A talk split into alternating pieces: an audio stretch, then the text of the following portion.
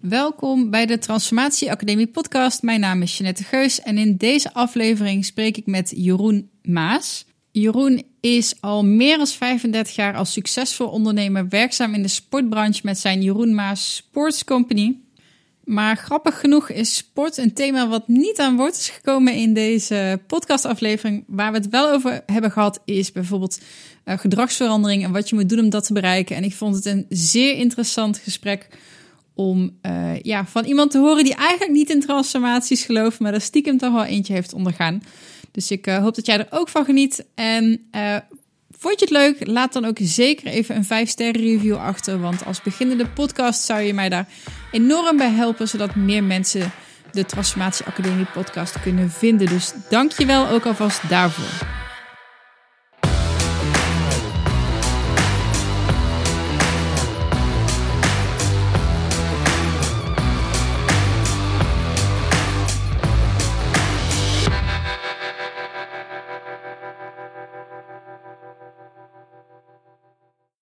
En voordat je naar Jeroen mag gaan luisteren, nog kort een boodschap van onze sponsoren.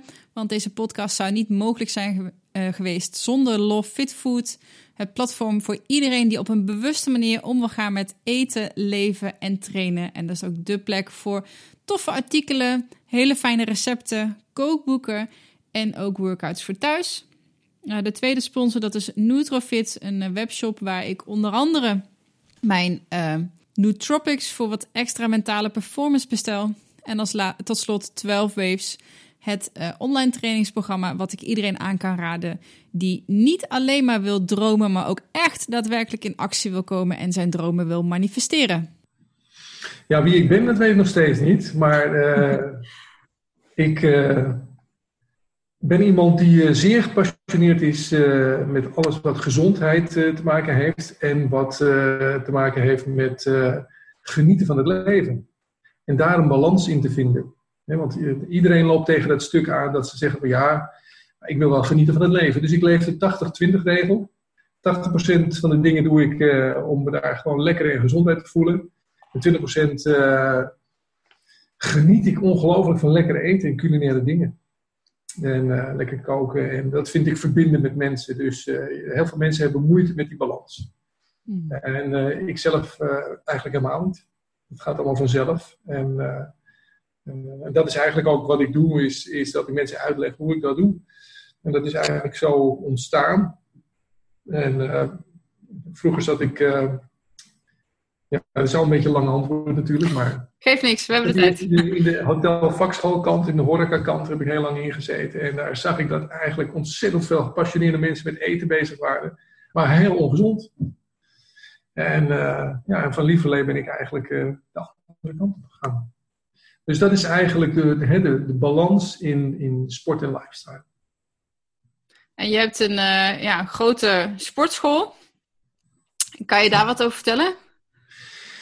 Nou, het is niet groot uh, geworden in het begin. Ik begon met een uh, ruimte van 80 vierkante meter in uh, 1989.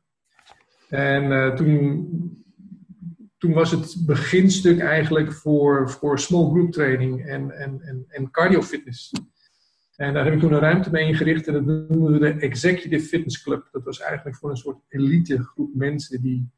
je, je zag toen de, de, de trend naar de sportscholen en, heel veel mensen gingen er naartoe en bodybuilding was zeg maar de leidraad. En uh, heel veel mensen die begonnen er wel aan, maar die haakten ook heel snel af. Ik weet nog wel dat ik in 1982, uh, eh, toen ik begon in de, in de fitness, dat we een, een, uh, wereldkampioen bodybuilding uitnodigden voor een open huis. En die gaf dan een, een demo en er schreven 100 mensen zich in. Wauw. En dat vonden de mensen geweldig. Ze zeiden, wauw, dat is helemaal nieuw. En uh, die, die wilden ze aanraken. En, uh, nou, en iedereen ging op die bodybuilding methode ging die, uh, fitnessen. maar ja, dat, dat, was eigenlijk helemaal niet haalbaar. Want dat was helemaal niet voor, voor de meeste mensen te doen. Toen ben ik met een aparte club begonnen, een klein clubje. En daar waren groepjes van 12 mensen, 10 tot 12. En dat sloeg ontzettend aan. En toen dacht ik in 1994, ik, ik ga verhuizen. Ik ga naar een groot pand. Nou, toen, heb ik, toen ben ik van 80 vierkante meter naar 500 vierkante meter gegaan. Dat was al een enorme stap. En uh, dat was eigenlijk al vrij snel weer te klein. En toen had ik de mogelijkheid in 1994 om er een aantal panden bij te huren en een enorme verbouwing te maken. Dus vanaf 2004 is het eigenlijk naar 2000 meter, 2004 meter gegroeid. Jeetje, gigantisch. Dus het, is, klein begonnen, ja. En, dat, uh, en nog steeds uh, zijn we bezig met verbouwing en uitbreiding. En dat, uh, ja, dat heeft ook een paar keer bijna mijn kop gekost hoor. Dat ik dacht van, oh, dat moeten we nog bij doen en dat. Maar ehm, het fitnessland, hè, dus we zijn een klein beetje van zeg maar een groeifase naar een volwassen fase aan het komen. En die volwassenheid begint nu net te komen in de fitnessbranche. Hmm. Je hebt heel veel niche sportscholen, zeg maar, hè, de, de, de boutique gyms heb je. Je hebt de grote clubs. Nou, bij mij in de buurt zijn vijf sportscholen failliet gegaan. En dat uh, was bij mij ook bijna gebeurd. Omdat de basic fits die komen in één keer met zo'n formule. Dat je met het hele gezin voor 15,95 mag sporten. Met een, in een schitterende accommodatie. En daar, dat, dat, daar rekent niemand op. Want iedereen denkt dat het hetzelfde is. Dus je moet altijd laten zien wat jouw toegevoegde waarde is als je het anders doet. Dus in de, zeg maar vier, vijf jaar geleden begonnen de personal trainingen. Toen dacht ik, uh, daar moeten we mee verder gaan. Hmm. En uh, toen was het net alsof ik uh, dacht van, oké, hoe ga ik dat dan doen? En ehm, toen kwam ik in, in, aanraking met de Overload Club. Ik kwam er eigenlijk achter dat ik tien jaar lang onder een steen gelegen had. Dat ik eigenlijk helemaal niet meer up-to-date was met mijn kennis. En uh, ik weet nog goed dat ik de eerste opleiding deed, de, de top A-opleiding deed. En ze waren allemaal uh, 3, 4, 25 jaar. En ik zat daar, toen was ik 55. Dus ik dacht, ai, heb ik iets gemist in de tussentijd? ik was wel altijd met heel veel dingen bezig. Maar daar miste ik nog een stukje. Dus na, na die dien heb ik eigenlijk uh, negen opleidingen gedaan. Je hebt zo'n beetje het hele palet van overload uh, geproefd. Ja, ik heb geen top C gedaan. Ik heb wel advanced gedaan. En uh, dat, was, uh, dat was een hele bijzondere ervaring. Hmm. Ik weet ook, je raakt het net al aan. Er zijn, uh, gaan veel sportscholen failliet. En, en er zijn veel niche sportscholen. Nou, zelf als fanatieke sporter zie ik dat ook. En ik ook, ja, mijn ex heeft een, een CrossFit box. Dus ik heb wel een klein beetje ook achter het schermen mogen meekijken. het is een behoorlijke een, een, lastige markt, denk ik, ook om je staande te houden. Ook mede door, en dat wat je zegt, van die grote partijen als een... Uh, ja, ik kan het zeggen, maar we noemen het voor de grap altijd de basic shit of de shit for free. ja. Nou, weet je, er is een enorme, uh, enorm marktaandeel die daar naartoe gaat. En dat, uh, je moet altijd heel realistisch blijven van oké, wij hebben vier basic fits bij ons in de buurt. Vier stuks op een kilometer wat, wat zou je aan iemand mee eh, willen geven die. die uh, of, of, hoe kijk jij tegen bijvoorbeeld crossfitboxen aan in dat opzicht? Fantastisch. Ik vind elke vorm waar mensen hun. Hè, want Mark Hoogvorst is een uh, collega van me die ook overload allemaal gedaan heeft. Die jongen heeft een enorme passie voor het vak, is daar enorm goed mee bezig. En het draait goed volgens mij. En die zit een kilometer bij me vandaan. Dus die laat op zijn manier zien dat hij uh, bezig is met, met mensen gezond maken. En uh, ja, dat pakt hij in een niche sportschool pakt hij aan, in het klein. Uh, ik heb ook mensen die bijvoorbeeld bij hem trainen en bij mij. Oké. Okay. Even voor mijn training en bij mij trainen. Voor mijn beeldvorming, jij hebt ook een, ja, in dat opzicht een klassieke gym. Want je zegt van, het is ooit begonnen met een soort van de, in de bodybuilding nasleep, in de bodybuilding hoogtijdagen. Uh, het is een klassieke sportschool met, met de apparaten. En ik weet dat je ook een techno-gym voorloper bent geweest uh, in de jaren. Ja, kijk, het is, we, hebben, we hebben duizend vierkante meter fitness. Dus uh, in twee verschillende afdelingen. En een grote, we hebben zeg maar vier zalen. En dat is continu is dat in beweging. een klassieke gym, ja, ik kan het eigenlijk niet zo noemen. Ik heb eh, twee jaar geleden heb ik een 30 eh, meter lange uh, sleebaan neergezet met grasmat dwars door mijn fitness heen. Nou, dat was al iets dat men zei van, hé, hey, sleetraining in de fitness, dat is apart. Nou, ik vond dat het erin moest passen. Nou, je ziet iedereen gebruikt. Ik heb twee sleeën, die gaan de hele dag.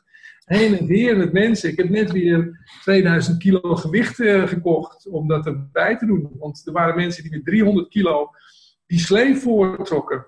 Nou, dat was twee jaar geleden was dat ondenkbaar. Dat, dat je dus een grasbaan dwars door je fitness heen deed en dat je daarmee uh, weer iets nieuws deed. Dus uh, ik probeer het altijd in te passen. En ja, we hebben natuurlijk een vrij brede groep mensen. We hebben mensen dik in de 90.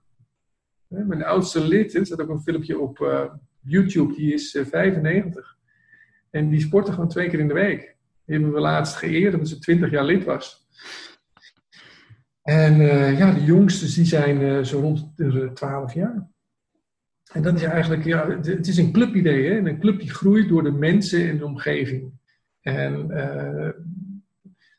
en dat is iets wat, wat eigenlijk het product bij ons is, dat mensen een vertrouwde en veilige omgeving voelen. Van kijk, daar, daar wil ik bij horen. Hmm. Net zoals dat je naar een crossfit box gaat en je, en, en je doet de, de bot doe je mee. Dat je echt merkt van wauw, deze spirit, dit, dit is wat ik zoek. Mm Dat steeds meer mensen erachter komen over wat ze graag willen en hoe ze dat kunnen bereiken. want uh, iedereen denkt nog steeds van nou ja, ik ga naar de sportschool en dan val ik af, krijg conditie. Nou, zo zit het niet in elkaar. Ja, dat zijn leuke... Uh ja, want hoe, hoe want inderdaad, eh, je zegt van mensen gaan naar de sportschool om af te vallen. En als, ik, als ik naar mezelf terugkijk, waarschijnlijk ook heel veel mensen die jij over de vloer kijkt, krijgt, is dat dat vaak de reden is om te beginnen, maar dat mensen blijven eigenlijk voor een stukje groeps. Ja, gevoel wat, uh, wat gecreëerd wordt. En natuurlijk ook wel dat ze stappen maken op het gebied van vitaliteit. Um, maar dan vindt daar wel een soort van transformatie plaats. Dat ze, ze komen binnen omdat ze de buitenkant willen veranderen, maar ze blijven omdat ze eigenlijk aan de binnenkant uh, zichzelf beter beginnen te voelen. Ja, ze worden bewuster van wat, wat het allemaal inhoudt. Ehm, waar, we, waar we continu mee worstelen is eigenlijk dat we een, een, een eigenlijk mensen zijn die een, uh, een oerinstinct hebben. En dat we voor 95% uh, ons instinctieve gedrag volgen. En dat is onbewust gebeurt dat eigenlijk de hele dag.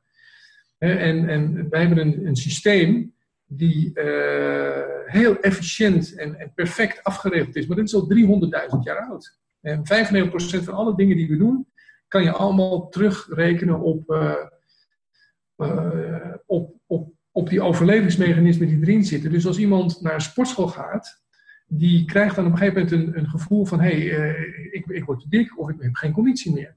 Nou, dat is eigenlijk een keurig aanpassingsmechanisme van het lichaam geweest.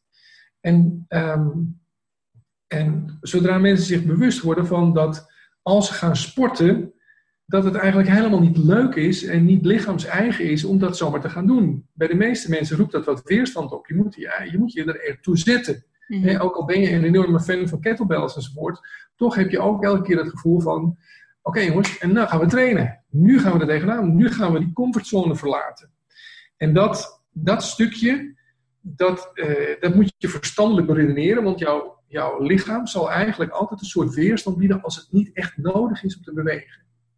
want als er een noodzaak is om te bewegen, er zijn maar drie redenen dat mensen van nature in beweging komen. En dat is ten eerste uh, om te overleven. Dus als je geen eten en drinken hebt, dan kom je in beweging automatisch.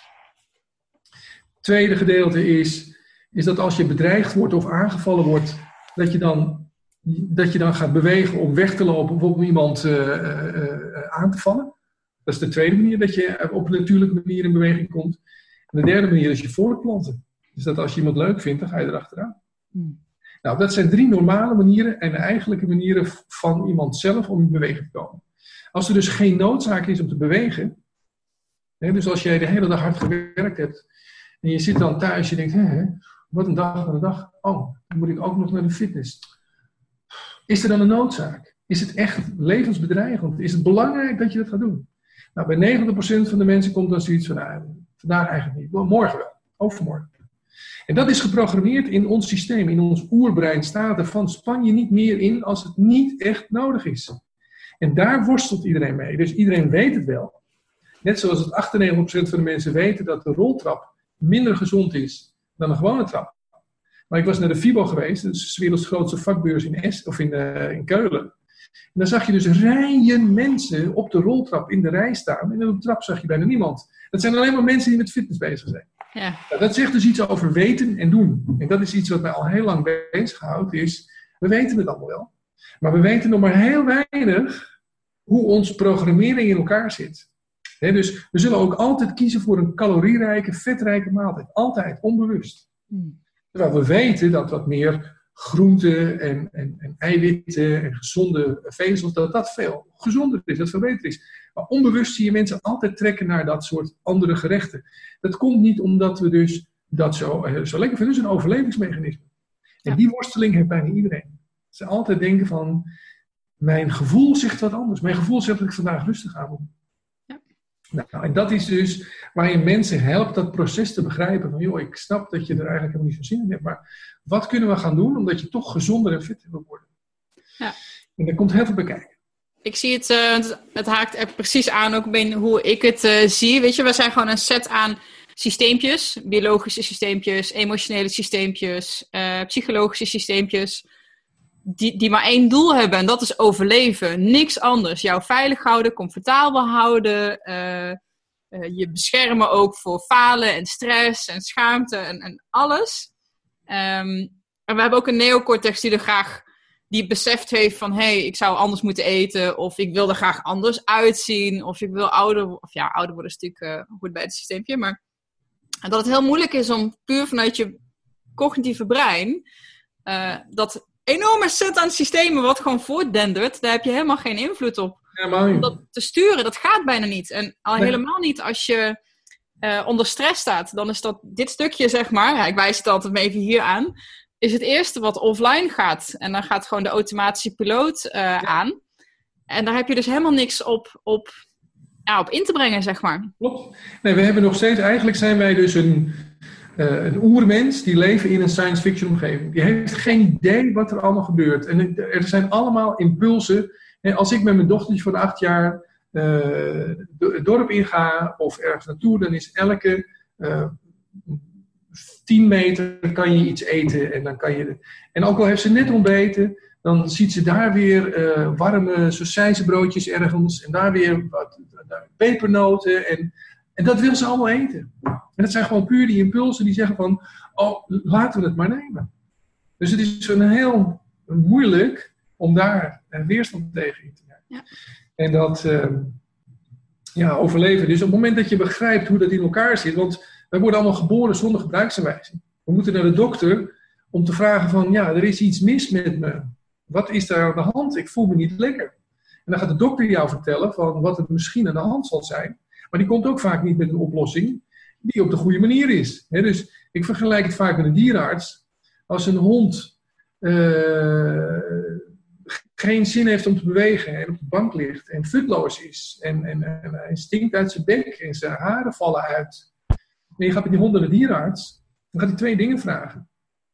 Ten eerste, hoe vaak laat je me uit? En dan zeg je, nou, eigenlijk nooit. Hij ligt de hele dag op de bank. Nou, dan zegt die dierenarts, begin maar eens met hem drie keer per dag uit te laten, een uur. Ten tweede wat hij vraagt is, wat geef je hem te eten? En dan zeg je, ja, hij eet eigenlijk alles. Uh, chips eet hij, chocola, hij eet alles wat wij ook eten. Dan zegt hij, nou, je geeft hem twee keer per dag te eten, biologisch hondenvoer, en kom over drie maanden maar eens terug en dan gaan we eens kijken hoe het met die hond is. Dan zijn denk ik 90% van alle klachten zijn over. En je ziet eigenlijk bij de meeste mensen, hebben ze een hoge bloeddruk, voelen zich niet lekker, hebben overgewicht, gaan er met de dokter over praten, krijgen medicijnen voor, maar de basis wordt niet aangepakt. De basis is, ga meer bewegen. Dus ik ben ervoor om iedereen die met pensioen gaat, een hondje te geven. Ja. Was, ik was ook bij de burgemeester op bezoek toen ik uh, 25 jaar bestond met de club. En toen zei de burgemeester, uh, meneer Maas, wat is nou uw advies voor de inwoners van de Haarlemmeer? En wat kunt u doen aan de bijdrage voor de goede gezondheid van de inwoners van Haarlemmeer? Ik zeg, nou, ik kan er niet zoveel aan doen. Ik kan wel zeggen, als ze naar mij toe komen, dat ik ze kan helpen om hun gezondheid te verbeteren. Ik zeg, maar als gemeente zou ik iedereen, uh, als ze 60 jaar worden, een hondje uit laten kiezen. Dat ze gezellig, drie keer per dag, met het hondje kunnen gaan bewegen. Dan moet je kijken wat voor gezondheidseffecten dat dan heeft. En uh, toen zegt hij, oh nou, dank u wel. Maar meestal wordt dat genegeerd. Meestal... Uh, He, want het is toch maar een heel klein gedeelte.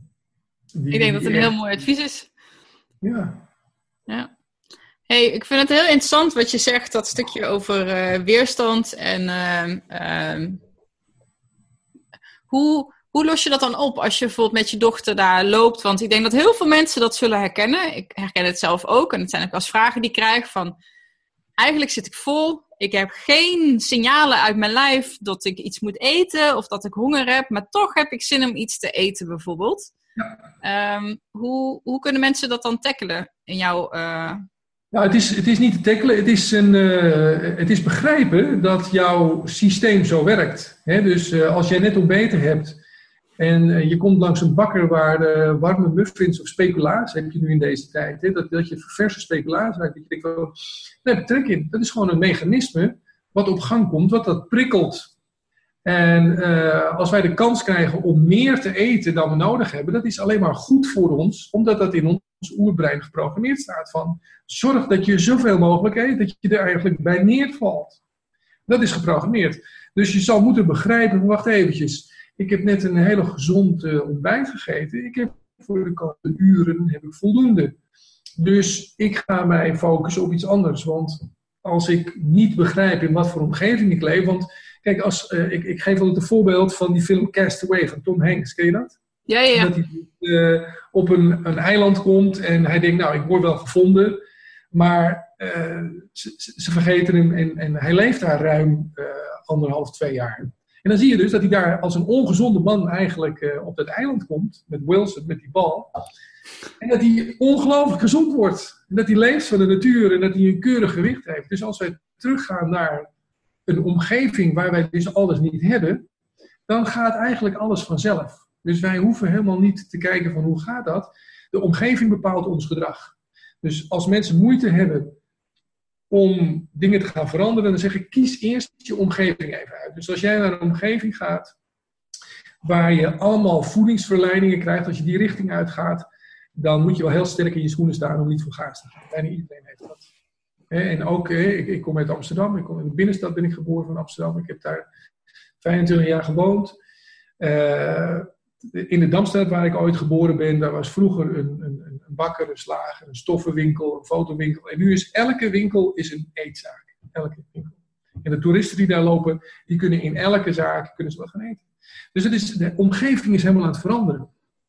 En eh, ik ben nu net eh, in Italië geweest op vakantie, we hebben een mooi huis gehuurd. En dan komen we in die primitieve dorpjes. En dan heb je dat helemaal niet. Je hebt helemaal niet overal eetzaakjes. zo. Dan moet je echt gaan zoeken. En, en dat is eigenlijk wat we, waar we eh, grip op hebben, is dat je, dat je bewust bent van je omgeving bepaalt je gedrag. Mhm. Dat is het. Dus als mensen niet weten, eh, joh, Jeroen, ik, eh, ik zit thuis, ik zou eigenlijk moeten gaan sporten, dan zeg ik, joh, weet je wat, kom even koffie drinken. En op het moment dat ze bij ons binnenkomen, zien ze allemaal sportende mensen. Zien mensen die zeggen, ah, ik heb lekker gesport. En dan ze denken, ja, ik heb er ook wel zin in. Dus dat is wat beïnvloedt. En ga je met iemand winkelen die, ja, die heel veel moeite heeft met die voedingsverleidingen, ja, dan ga je ook mee. Het is net alsof we een alcoholist zijn die niet mag drinken en naar de kroeg gaat. Mhm. En eh, de, de- heel veel mensen zijn eetverslaafd. Dat hebben ze helemaal niet in de gaten. Maar die hebben continu het gevoel van, ik moet iets eten. En dat heb je niet als je bijvoorbeeld, hè, wat Maaike gaat organiseren, naar zo'n survival weekend of in, in de Ardennen. Dan zie je dat je gewoon rustig je drie maaltijden neemt. En er zijn helemaal geen verleidingen. Ik ga met mijn dochtertje op zondag altijd een paar uur de natuur in. Dat is heerlijk. Heerlijk. Neem een appeltje mee en hebben we niet eens trek in. We zijn gewoon bezig. Grappig is, ik heb eh, eh, deze zomer een eh, Vision Quest georganiseerd. Ehm, ben ik met wat ondernemers in het bos gaan zitten in België. Ieder apart. Dus helemaal ook elkaar niet zien, niet horen. Geen boek mee, geen telefoon mee. Helemaal ja, offline, off the grid. 24 uur lang. Ja. Ehm, En daarbij mochten ze eh, ook 24 uur vasten. En er waren echt heel veel mensen om het, de ervaring en de inzichten die ze krijgen eh, nou, te versterken. En de- ik denk dat de helft van de mensen daar heel erg tegen opzag van, oh jee, 24 uur niet eten, want je zit echt wel in zo'n ritme vast van, ja, je moet ontbijten. En, en Ja. natuurlijk intermittent fasting, dat is nu ook al populair. Dus mensen, nou ja, maar dan moet ik in ieder geval wel lunchen en, en s'avonds wat fatsoenlijks eten. Dus mensen vonden dat heel erg spannend. En eigenlijk was overal had niemand, mijzelf uh, uh, included, daar moeite mee. Omdat je gewoon in een bos zit. je hebt geen impulsen, zeg maar. En dat lichaam, joh, dat overleeft het wel. Het is maar 24 uur, maar je zit zo en in je patroon, zeg maar, in je, je ja de, de, plekken waar je langskomt, hoe je beweegt, zeg maar, door je omgeving. En ook inderdaad de, de prikkels die je krijgt. Dus dat. Uh, ja, dat, om te merken dat. Ja. Ik heb zelf uh, zes jaar lang transcendente meditatie gedaan. dus dat is voor het ontbijt en voor je avondeten mediteren.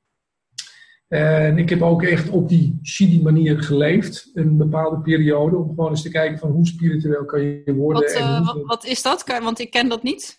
Transcendente meditatie is al, ja, ik denk al 3000 jaar oud. En dat heeft te maken dat, uh, dat je de stilte in je lichaam gaat, gaat ervaren. Uh, als je het vergelijkt met een zee, uh, dan kan het bovenin stormen. En dat je dus als schipzijde bijna vergaat. Maar helemaal op de bodem, daar is het vrij rustig. Nou, wij hebben dat in ons lichaam, hebben dat ook. We hebben een, een alfa-staat, een delta-staat. En zo kan je veel dieper uh, uh, door meditatie kan je veel diepere lagen aanboren van je bewustzijn. En op een gegeven moment kom je in het verenigd veld. Dus dat betekent dat je dus eigenlijk een verbinding maakt met alles om je heen. Mm cognitief gezien dacht ik, ja, ja, dat zal allemaal wel. Want uh, kom je in het verenigd veld en dan... En er waren zelfs in het Chili-dorp yogis, die kunnen dus zweven, die komen los van de grond. Ik zeg, ja, natuurlijk, joh, zweven we eventjes. Maar dat is echt zo. Het is, het is onvoorstelbaar als je meemaakt wat je, dus, wat je dus kan bereiken met transcendente meditatie. Maar ook alle systemen in je lichaam resetten zich. En dat is zeg maar de basis, is dat je dus de stilte opzoekt in je systeem. Nou, je, je gedachten, je maakt ongeveer 60.000 gedachten aan per dag. Twee per seconde ongeveer. Nou, die stroom van gedachten, die geven ook allemaal een gevoel. En het ene moment denk je, ik ben goed bezig. En het andere moment denk je, oh nee, ik ben niet goed bezig. Dus het brein die is alleen maar bezig om jou te waarschuwen van dingen die mogelijk verkeerd kunnen gaan. Maar er is zoveel informatie, vooral als je dus heel veel met, uh, met al de nieuwe social media enzovoort doet. Het is haast niet meer te volgen. Dus die, die impuls is veel te veel. Er komen veel te weinig meer in die stilte. En die stilte, daar kom je ook in contact met uh, met alle informatie die je tot je kan nemen. Want als je nou gaat kijken naar gedachten, dat kan je, uh, dat kan je niet meten. Dus gedachten komen en gaan. Alleen wij reageren vaak op de inhoud van gedachten. Nou, uh, op het moment dat je gaat transcenderen, dan zie je dat je dus een enorme connectie maakt met alles om je heen. En dan krijg je die, die stilte waardoor jij eigenlijk je, je diepere verlangens eigenlijk gaat realiseren. Vaak weet je helemaal niet wat het is. Uh, het is ook moeilijk uit te leggen, maar... Uh, nee, ik, ik kan je persoonlijk echt prima volgen hoor. Ja, maar dat is ook, ook in een omgeving hebben waar je dus niet... het kan wel hoor. Hè. Als ik op een vliegveld zit en jongens, het wordt me te gek, dan sluit ik me af en dan, hmm, dan spreek ik mijn mantra uit en dan voel ik me in 20 minuten gewoon helemaal in die stilte, in die neutrale stand komen. En daarna weet je ook heel goed waar je naartoe wil, wat je wil doen. Uh, en en dan, dan hindert je niet dat, dat ze uh, vertelden van oké, het vliegtuig heeft een uur vertraging. En, uh, en weet je, al, allemaal dingen die al misgaan. Hè, waarvan we denken van oh god, wat vreselijk allemaal. Ja. Stilte is een van de belangrijkste dingen. Je ziet dat er maar steeds minder voorkomt. Ik vind het een hele mooie levenshouding. En ik denk ook zeker één die, als het gaat over ja, je beste leven leiden, wat alleen maar bijdraagt. Want wat je feitelijk doet is bewegen in plaats van dat je heel reactief op je omgeving reageert en eigenlijk één bent met dat, dat oermechanisme, hè, dat ingeprogrammeerde systeem wat eigenlijk niet meer echt in deze maatschappij past. In plaats van dat je daar helemaal in meegezogen wordt, laat het je een soort van uitzoomen en naar jezelf kijken. En ook wat je zegt van, ik begin met mensen te, te laten beseffen dat het maar een systeem is wat eigenlijk niet goed werkt. Maar dat kan denk ik alleen maar als jij in staat bent om een soort van metapositie bijna te pakken en te kunnen observeren. En dat is denk ik een hele mooie, of nou, denk ik niet, dat weet ik wel zeker. In mijn ogen ook de eerste stap als mensen zeggen, ik wil echt veranderen en ik wil echt... Um, ja, betere keuzes leren maken, is dat het begint met een stukje bewustzijn en awareness. Uh, ja, en, meditatie is een prachtig tool. Ja. ik heb nog nooit de, de TM, de transcendentale, trans, wat zeg je meditatie, ja. En dat is dus transcenderen. andere vormen, maar... Ja, transcenderen en transformeren. We kunnen niet transformeren. Weet je, het is een heel leuk begrip, transformeren, maar dat is een illusie. Je kan je alleen maar, self-awareness, je kan alleen maar bewust zijn van wat je aan het doen bent. En daar heb je andere mensen voor nodig. Dus reflectie hè, is dus eigenlijk dat andere mensen kunnen zien van wat jij aan het doen bent. En die geven jou feedback. En dat je denkt, oh wacht even. Uh, dat is interessant. en dat, die self-awareness, dat krijg je eigenlijk door te mediteren en wat een neutrale positie te zijn. De mensen in je omgeving die van je houden, of je kinderen, die, die, die geven jou feedback over de dingen die er gebeuren. En zo zoek jij een bepaalde positie in de dingen die je doet. Maar je hebt andere mensen altijd nodig om te weten hoe je overkomt. en dan, je hebt dan twee dingen. Ze zeggen van uh, leef de, de gulden regel. dus behandel andere mensen zoals zij behandeld willen worden. of, of nee, behandel mensen zoals jij behandeld wil worden. Zeggen ze, dat is de gulden regel. ik vind dat vol, volkomen bullshit dus behandel de mensen zoals jij behandeld wil worden. Nou, dat is interessant. Als ik dat zou doen, dan weet ik helemaal niet wat een ander leuk vindt. Ik kan alleen maar weten van wat, wat ik leuk vind. Dus stel dat ik ergens ga eten en ik vind het heel erg leuk als iemand heel vaak bij mijn tafel komt en uh, mij heel veel dingen uitlegt, kan de ander zeggen, nou, dat vind ik verschrikkelijk. Dus de kunst is om mensen te behandelen zoals zij behandeld willen worden. En dat kan je alleen maar doen door middel van vragen stellen. Door de vraag van hoe kom ik over? Vertel eens, wat, wat zou ik kunnen verbeteren? Wat, zijn er, wat voor punten zijn er zodat, zodat ik jou beter kan helpen? Zo begin ik ook altijd met personal trainingen. Van, waar kan ik jou vandaag het meest mee helpen? Waar heb je de meeste behoefte aan? Welke kant gaan we op? En dan zie je dus dat je dus die intuïtie en het gevoel, dat als je zelf stil bent, dat je je dus heel, eh, heel goed kan, uh, kan uh, intunen op wat iemand nodig heeft. Hè? Want je kan iemand, je kan zien hoe iemand zich voelt, maar wat ze zeggen, dat klopt meestal niet. Hè? Dus als je tegen iemand zegt van, hoe gaat het met je? En ze zeggen, nou, prima. Nou, volgens mij is er wel iets aan de hand met je. Nee, nee, nee dat gaat allemaal, gaat allemaal goed. Dat uh, weet je, dan zeggen ze ook, mijn hoofd zit een beetje vol. Hmm. En dat, weet je, dat stukje moet je dan los kunnen laten. En de kunst van iemand die, uh, als je iemand begeleidt, is dat ze dus meer zichzelf worden. Maar je kan niemand anders worden, want je bent, je bent altijd jezelf. Alleen maar die stroom van gedachten, die geeft dus vaak zoveel afleiding dat je helemaal niet meer bij die kern komt. En daarvoor moeten mensen gewoon veel meer de natuur in gaan.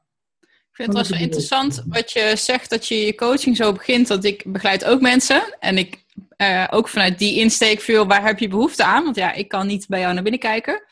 Ik heb wel gemerkt ook dat mensen dat een hele lastige vraag vinden. Um, als het eenmaal van je gewend zijn en ze weten dat je het gaat stellen. Maar ik, ik merk dat vooral de eerste keer als je een vraag stelt, dat soms mensen een beetje. Oh, uh, ga jij mij niet vertellen wat ik moet doen dan? Ik denk nee. Ja want het heeft te maken met vertrouwen. En vertrouwen is een gevoel. Dat is ook iets wat je niet krijgt door dingen te gaan vertellen. Dat is als je iemand aankijkt, dat je denkt van. Dat is dus vertrouwen op je gevoel. Als je met iemand spreekt, dan heb je voor jezelf heb je heel veel referenties dat je denkt van, oh, dat vind ik mensen die... Uh, zo had ik dat bijvoorbeeld vroeger. Uh, als ze allemaal van die tatoeëringen op hun armen hadden, dan dacht ik, oh god, dat zijn types, dat, uh, dat zijn niet mijn types. Nu heb ik een hele andere kijk op. Snap je? Een hele andere manier. En mijn eigen dochter heeft ook tatoeëringen enzovoort. Dus dat zijn oude referenties en criteria die ik in de jaren 50, 60 kregen we mee. Dat mensen met tatoeëringen, dat zijn mensen die, ja joh, dat is uitschot. Maar dat zijn dat zijn de overtuigingen die je aangeleerd hebt. Op het moment dat je dus uh, in contact wil komen met mensen, dan zie je dat dat allemaal wegvalt. Dan kan je dus ook met hele dikke mensen die heel ongezond of destructief leven, kan je een verbinding aangaan. En op het moment dat ze je vertrouwen, dan pas, dus als je contact maakt, dan pas gaat er wat veranderen. Hmm. En dat zie je eigenlijk, dat leer je in geen enkele opleiding, is dat je de make the connection. Make the connection is dat je dus in stilte gaat intunen. Van hé, hey, wat. En dat je gewoon heel eventjes iemand aankijkt en zegt van. Hoe gaat het met je? Maar echt integer menen. Hoe gaat het met je? En dat wordt heel vaak misbruikt. we, we, gaan van de ene PT naar de andere PT. Maar dan is het gelijk van, de, ja, hoe gaat het? Uh, heb je goed op je eten gelet? Heb je getraind? Oké. Ehm, nou, we gaan aan de slag. Kom je? Weet je, dan maak je geen contact. Contact maken is dat je werkelijk aan iemand vraagt. Jeannette, vertel, ik vind het heel interessant, want je stelt jezelf op dat moment uh, als, als vragensteller, als coach ook eventjes heel kwetsbaar op. Want je, uh, om contact te maken moet je ook bij jou naar binnen laten kijken, anders is er geen contact. En dat is wat mensen, waar, wat je zegt, dus of geen tijd voor, of mensen vinden het spannend of eng. Ja. Weet je wat mensen verbindt, is niet de perfectie, maar dat is de imperfectie. Hmm. Dat verbindt ons. Dingen die niet lukken, wat niet gaat, waar je niet goed genoeg voor bent, dingen waar je verdrietig over bent. De mensen die nummer één zijn in de wereld met heel veel geld en heel veel bijzondere dingen, zie je vaak dat die connectie niet maken. Het is juist degene die het niet lukt en degene die uh, tijdens de Olympische Spelen een zweepslag krijgt en door zijn vader geholpen wordt, dan zie je dat iedereen in tranen is door die imperfectie. Dus dat verbindt ons van, met elkaar. Ja. dat, eh, als ik met mijn partner een gesprek heb en ik denk van, dan verbind ik me veel meer door te zeggen van, joh schat, ik heb, ik heb het helemaal verkeerd begrepen en niet goed gedaan. Hoe kan ik het beter doen? Vertel. En, en, en, en dat is eigenlijk wat we in deze maatschappij bijna niet meer zien, ook met, de, met, met de millennials, weet je wel. Die communiceren ontzettend veel via WhatsApp of via Skype of via andere dingen. En die echte verbinding, die is er eigenlijk niet. Want die, die, die ontstaat doordat je gewoon echt helemaal voelt en ziet hoe iemand ademt en wat hij doet.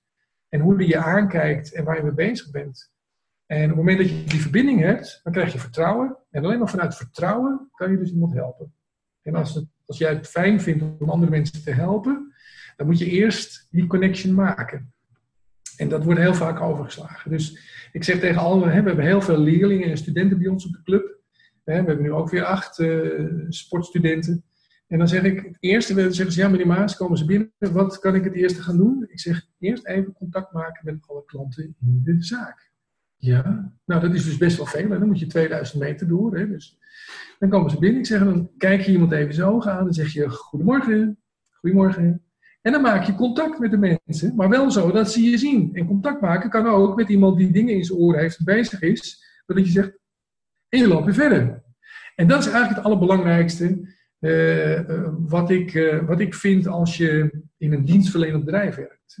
Hmm. dat, dat, bij ons komen de mensen die willen gezonder en fitter worden, maar dat is nogal een opdracht. Daar komt nogal wat bij kijken.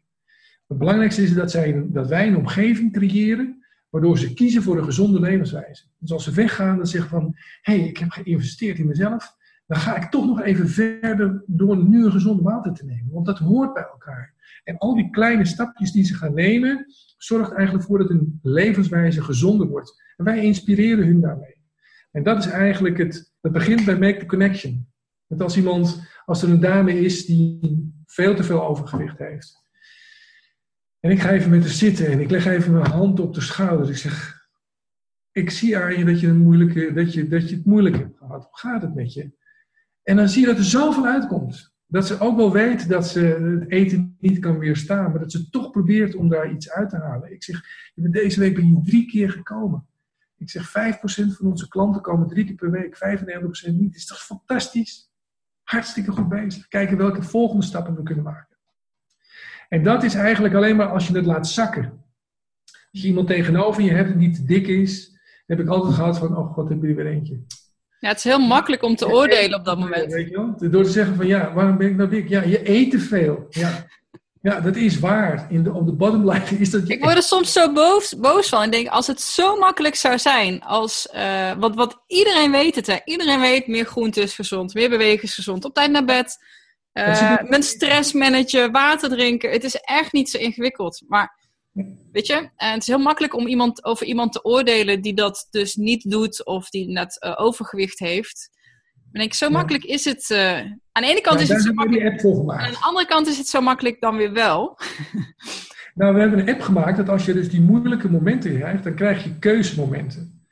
Is dat jij dus een enorm. In, hè, dit, je, je krijgt een moment dat je, dat je je verdrietig voelt of afgewezen. Of, of dat, dat er iets gebeurd is waardoor je, waardoor je vindt dat je er niet toe doet.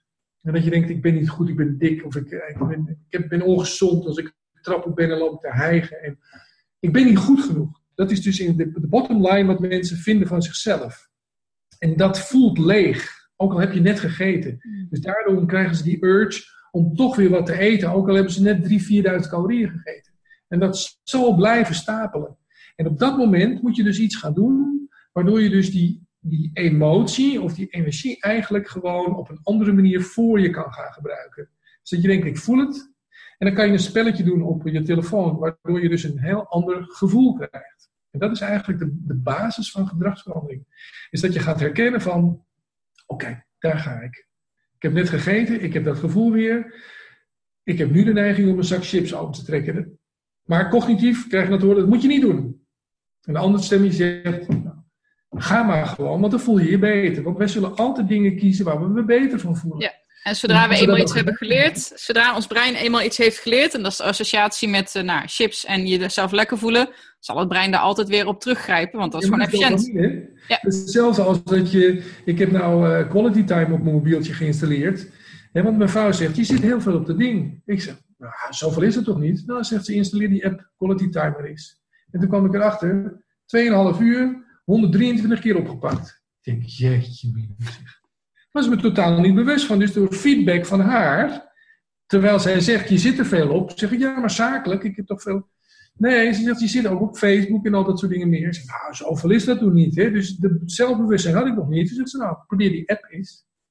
Nou, ik heb het nu voor meer dan de helft gereduceerd. Dus, dus, ik heb hem, gisteren heb ik hem, geloof ik, uh, eh, 34 eh, keer opgepakt en een uurtje heb ik erop En ik mis niks.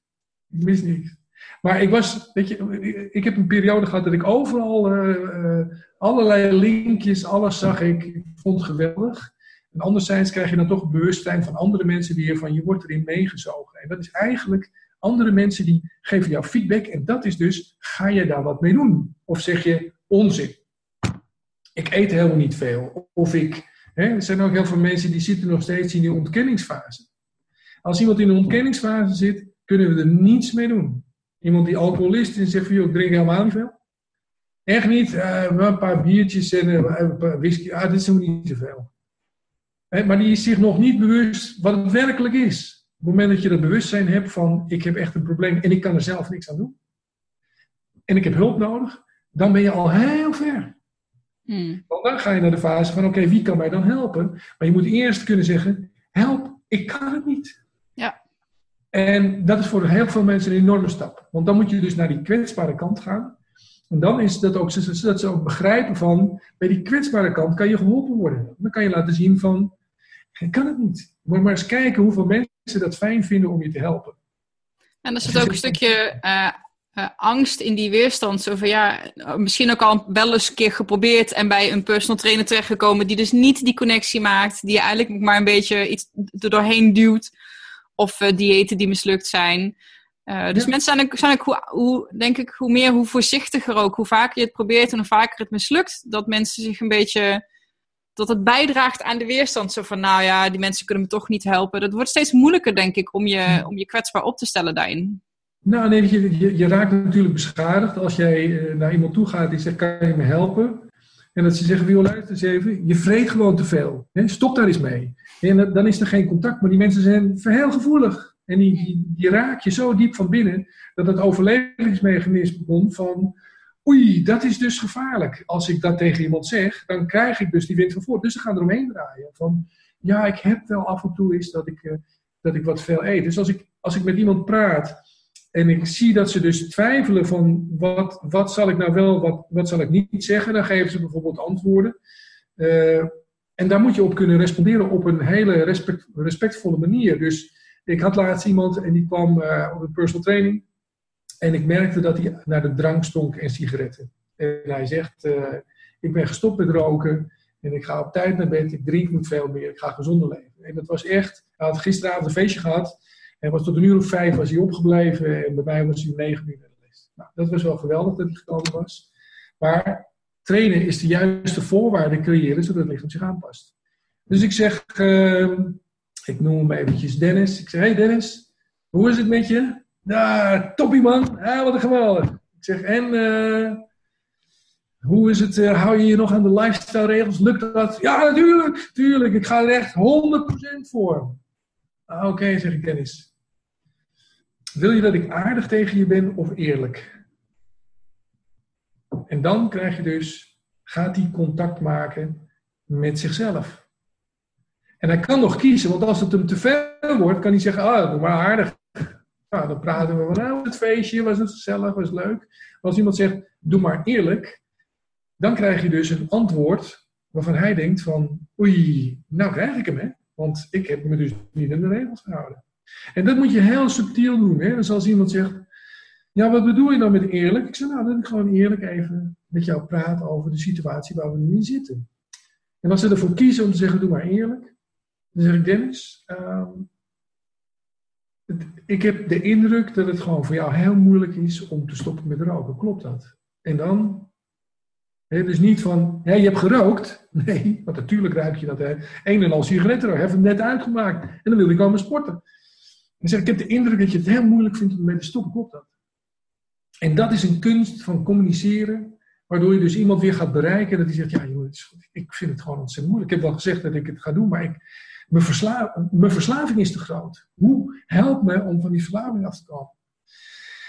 En dan zeg ik van, helemaal geen enkel probleem. Roken is een enorme verslaving, maar weet je wat we afspreken de komende week? Bel me even als je gerookt hebt. Stel me stuur me even een appje van Jeroen, ik heb nu een sigaret opgestoken en ik heb gerookt. En wat er dan gebeurt is vaak dat ze zeggen van, hé, hey, ik mag dus roken van mijn coach. Dan moet ik hem even bellen, maar ik wil het niet. Dus bij hem ontstaat er iets wat gaat groeien, waardoor dus hij eigenlijk steeds meer bewuster wordt van, oké, ik heb trek een sigaret, ik ga het niet stiekem doen, ik kan het melden. Hij vindt het ook helemaal niet erg, maar ik wil het niet. En dat hij, dat hij dan komt en zegt, hij zegt, Jeroen, ik heb een week gehad, ik had zeker al twintig keer het idee dat ik jou moest gaan bellen, maar dat wilde ik niet doen. Dus als personal trainer probeer je invloed te hebben als ze niet bij je zijn. Daarbuiten, want daar ontstaat het. Als je iemand twee keer in de week personal training geeft, een week heeft 168 uur, dan zijn ze 166 uur ergens anders. Ah, als je invloed wil hebben, moet je daar invloed zien uit te oefenen. Niet als ze in de trainingszaal zijn, want dan gaat het toch wel goed. Ik vind het een hele mooie strategie die je benoemt. Want je creëert een soort van accountability, maar wel vanuit een intrinsieke uh, motivatie bij mensen. Want je zegt niet, het mag niet. Uh, je zegt alleen, laat het mij weten. En als het goed is, als ze echt willen stoppen, dat is natuurlijk, hè, want als je niet echt wil stoppen, dan had je jou gewoon twintig keer geappt waarschijnlijk. En uh, zie je wel, het is zo moeilijk. maar je, je steunt, ik vind het een hele mooie manier. We hadden een, vorig jaar gaven mij en ik een seminar bij een CrossFit-box. Nou, wij zitten helemaal in lijn met jouw uh, filosofie.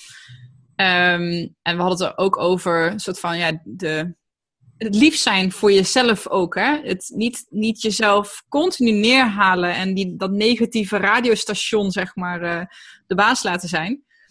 En nou, daar werd super goed op gereageerd. Maar uiteindelijk werd in de, in de vragenronde kwam wel die, die, die uh, sportschool-eigenaar naar ons toe van ja, maar ik geloof toch echt wel in een beetje tough love hoor. Want uh, het is niet alleen maar mensen knuffelen en over een bol aaien en hè, je moet ze ook wel gewoon een beetje achter een vodden aan zitten en af en toe schop onder hun kont geven. Hoe zie jij dat? Nou, als je geen verbinding maakt met mensen, dan is eigenlijk alles onmogelijk. En je ziet dat grote leiders, inspirerende leiders, ik weet niet of jullie eens iets met het werk van Simon Sinek gedaan hebben. Ja. ja. Hè? Uh, why, why, leaders eat last. Weet je, op het moment dat, dat je een leider, een ben je niet omdat je zegt ik ben de baas van de onderneming en ik betaal jouw salaris, je doet wat ik ben. Nou, je bent een leider als mensen jou, in jou willen geloven en jou willen volgen. En dat heeft met, uh, met te maken met van vertrouw je mij toe dat ik voor je kan zorgen. Net zoals dat een gorilla uh, in, een, in, een, in een groep in de natuur zorgt dat al die vrouwtjes en die kindjes veilig zijn. Die is de hele dag is hij aan het vrijen en aan het eten en uh, die doet waar hij zin in heeft. Maar oh nee, als er een bedreiger komt of er is, uh, er is iets, iemand komt in zijn territorium, dan zie je dus dat die gorilla alles doet om zijn kudde te beschermen.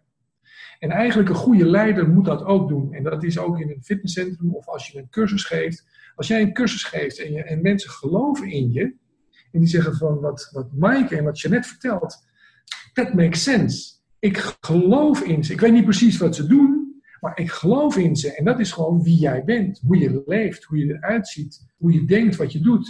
En dan zie je dus dat een grote groep van de mensen die jij een presentatie geeft, die zie je naar je kijken en dan knikken ze en dan zeggen ze ja, ja, ja. En dan komt dat binnen. Want er is ook een groep die zegt, nou, nou je kan allemaal wel mooi vertellen, maar uh, bij mij werkt het allemaal niet zo. weet je? die, maken, die, die, maken die connectie niet, want die geloven het niet op een of andere manier. En dan hoef je ook niet te overtuigen. Weet je, je kan mensen niet overtuigen van iets wat ze niet geloven. Nee, klopt. dus er zeggen ook mensen die zeggen, ja Jeroen, ik wil... Uh, ik had van de week nog een meneer, die komt de trap op. Hij kon amper de trap op. Hij komt boven en hij gaat zitten en zegt... Uh, meneer Maas... Overtuigt u mij nou eens dat sporten leuk en gezond is? Geweldig. Ik zeg, nou, ik hoef je niet te overtuigen. Ik zeg, vertel eens, waarom ben je hier? Ja. Mevrouw, mevrouw heeft voor de zoveelste keer gezegd dat ik er maar wat aan ga doen. En nu ben ik personal trainer. Nou, ik zie het hier allemaal, maar uh, vertelt u mij nou eens wat ik moet gaan doen. Ik, dus ik kom weer met die vaste antwoord. Zeg, wil je dat ik aardig tegen je ben of eerlijk? Hij zegt, uh, aardig of eerlijk? Nou, doe maar eerlijk. Ik zeg, nou, ik denk inderdaad dat dit... Hij zei tegen mij van, wat denkt u nou dat ik moet gaan doen? En ik denk bij mezelf, hoe kan ik contact maken met die man? Hè? Want hij is, alles is al, dat, dat, dat niet, dat niet, dat niet. En die toestellen, dat ga ik nooit doen. Dus ik denk, hoe maak ik contact? En daar moet je dus als coach dat, komt bij mij dan van binnenuit. Dus ik zeg tegen die man: Weet u wat u het beste zou kunnen gaan doen? Zo snel mogelijk een goede uitvaartverzekering afsluiten. Want ik denk niet meer dat je het langer redt dan een maand of twee, drie. En dan is het gebeurd met je. En dan kan je maar beter zorgen dat je er financieel redelijk bij staat. Want dit is helemaal niks voor je. Zeg, joh, dat, uh, ik ga eens gaan oriënteren wat een leuke grafsteen is. En dat soort dingen. En je zag dus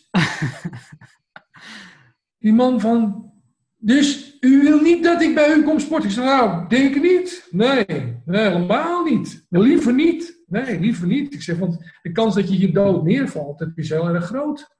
En dat wil ik niet hebben. Daar krijg ik ook een slechte naam van. Want hij kwam eens, hij gaf mij ook nog een lijstje. Hij zegt, alsjeblieft. Dat was een uh, uitdraai van de apotheek van alle medicijnen die gebruikte. Hij had een hartinfarct gehad, diabetes, hij rookte nog. En, uh, hele lijst. Ik zeg, dit is je doodslijstje. Je wordt in leven gehouden door de medicijnen. Dus ja, ik denk dat je eind van het jaar niet haalt. Maar uh, veel succes ermee. En opeens was het zoiets van... Ja. Dus, dus en, nu, en dan maak je contact. En dan ga je kijken wat er gebeurt. Want die willen de rol omgedraaid. Toen ging hij mij overtuigen dat het eigenlijk best wel goed was als hij wat ging bewegen. En dat doe je als coach zijnde. Hmm. Als coach zijnde moet je eigenlijk de mensen aangenaam kunnen confronteren. Ja. Dat is een heel dun schilletje. Van hoe ver kan ik dus iemand uit zijn comfortzone trekken en wanneer maak ik contact? En ik zou met die man echt geen contact maken door te zeggen, nou, maar er zijn best nog wel leuke uh, trainingen te doen en als personal coach gaan we eerst even kijken daarna. Ja, je, bent, je bent op zoek naar een ingang. Iedereen heeft een ingang. En soms, ja. uh, het is een beetje provocatief uh, coachen volgens mij. Ja, dat is provocatief.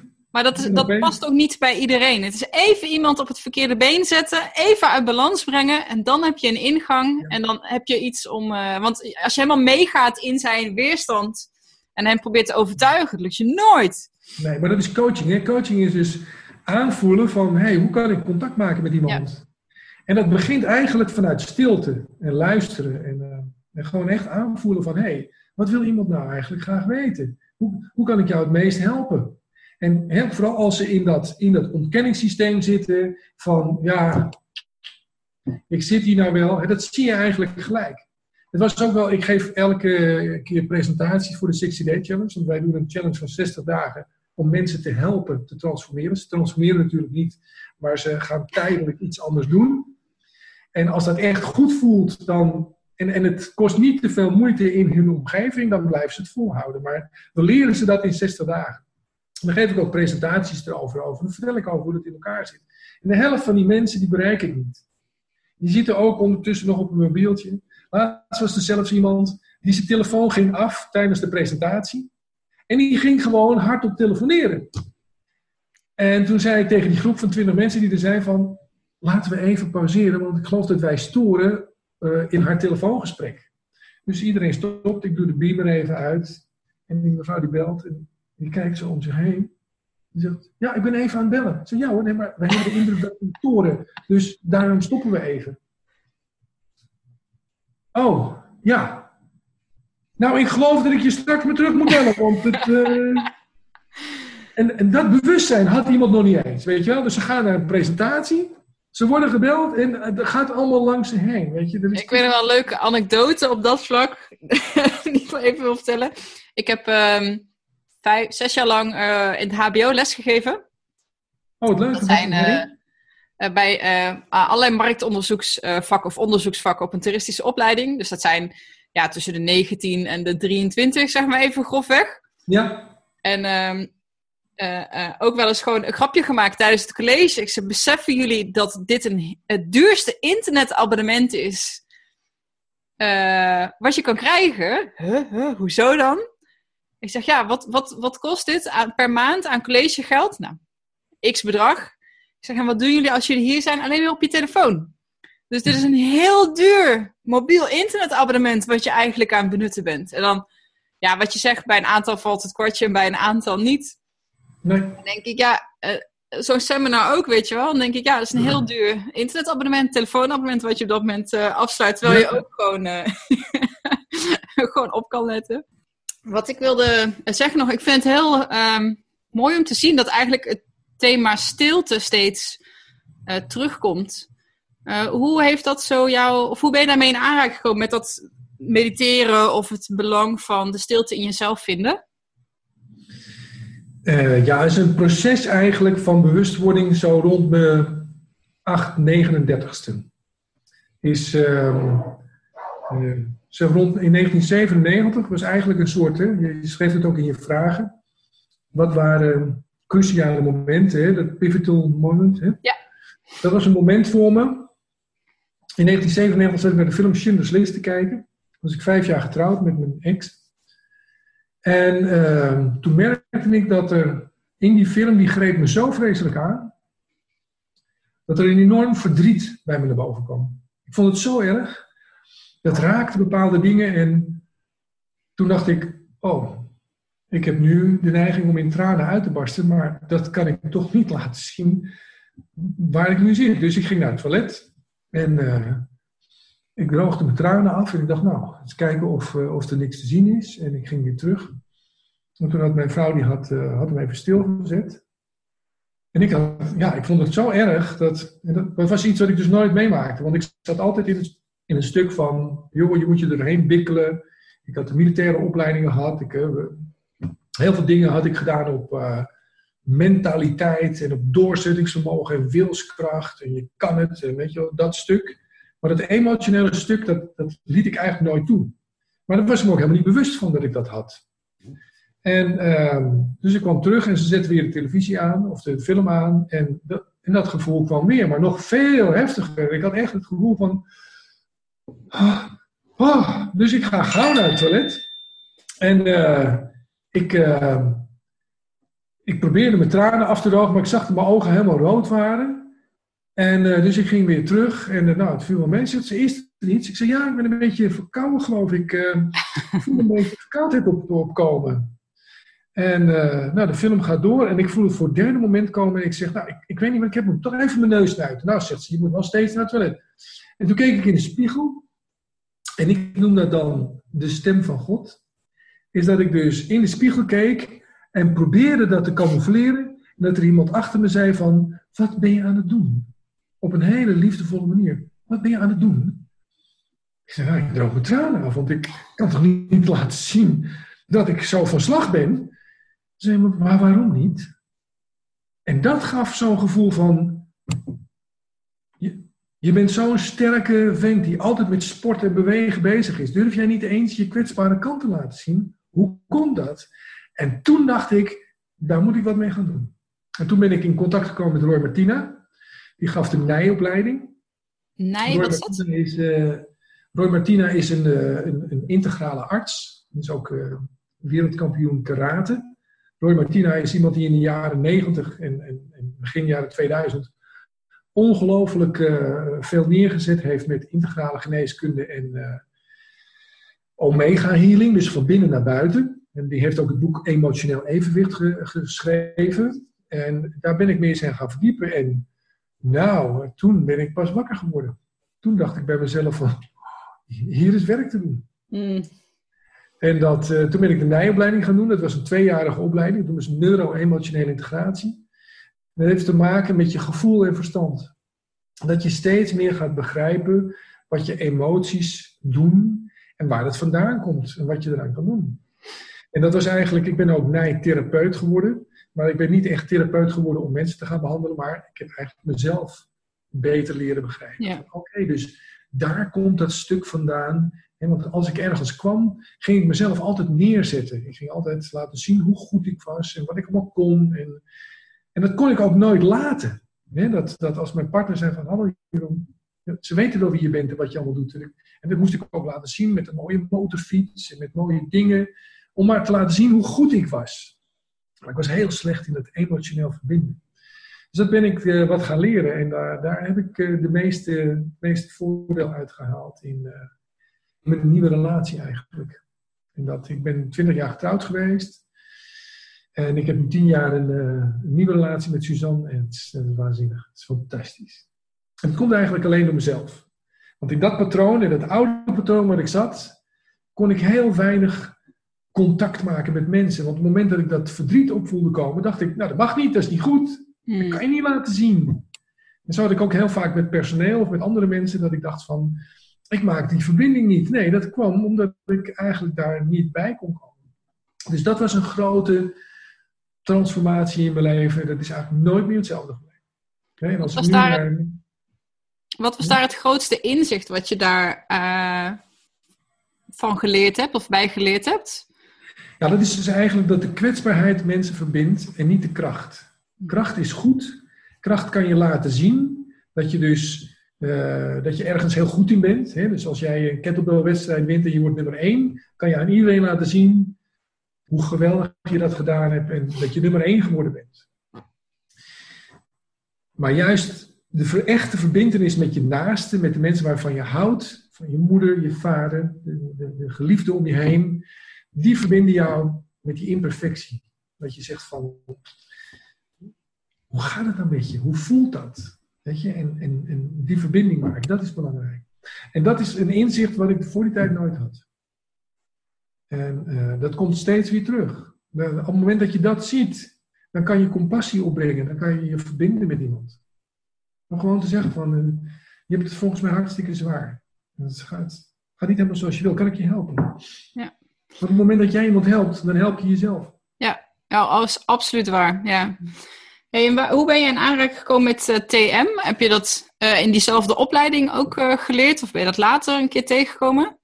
Ja, ik wilde alles sneller natuurlijk. Hè? Dus ik wil heel snel leren hoe die emotionele integratie gaat. En heel snel leren hoe je moet transcenderen. En allemaal, weet je, dus er komt dus een soort orkaan van alles wat je dan gaat doen. Dat moet dan heel snel gaan. Dus ik, liep, ik, ik ben naar Anthony Robbins gegaan. Ik ben uh, naar Amerika gegaan. We hebben een NLP-opleiding gaan doen.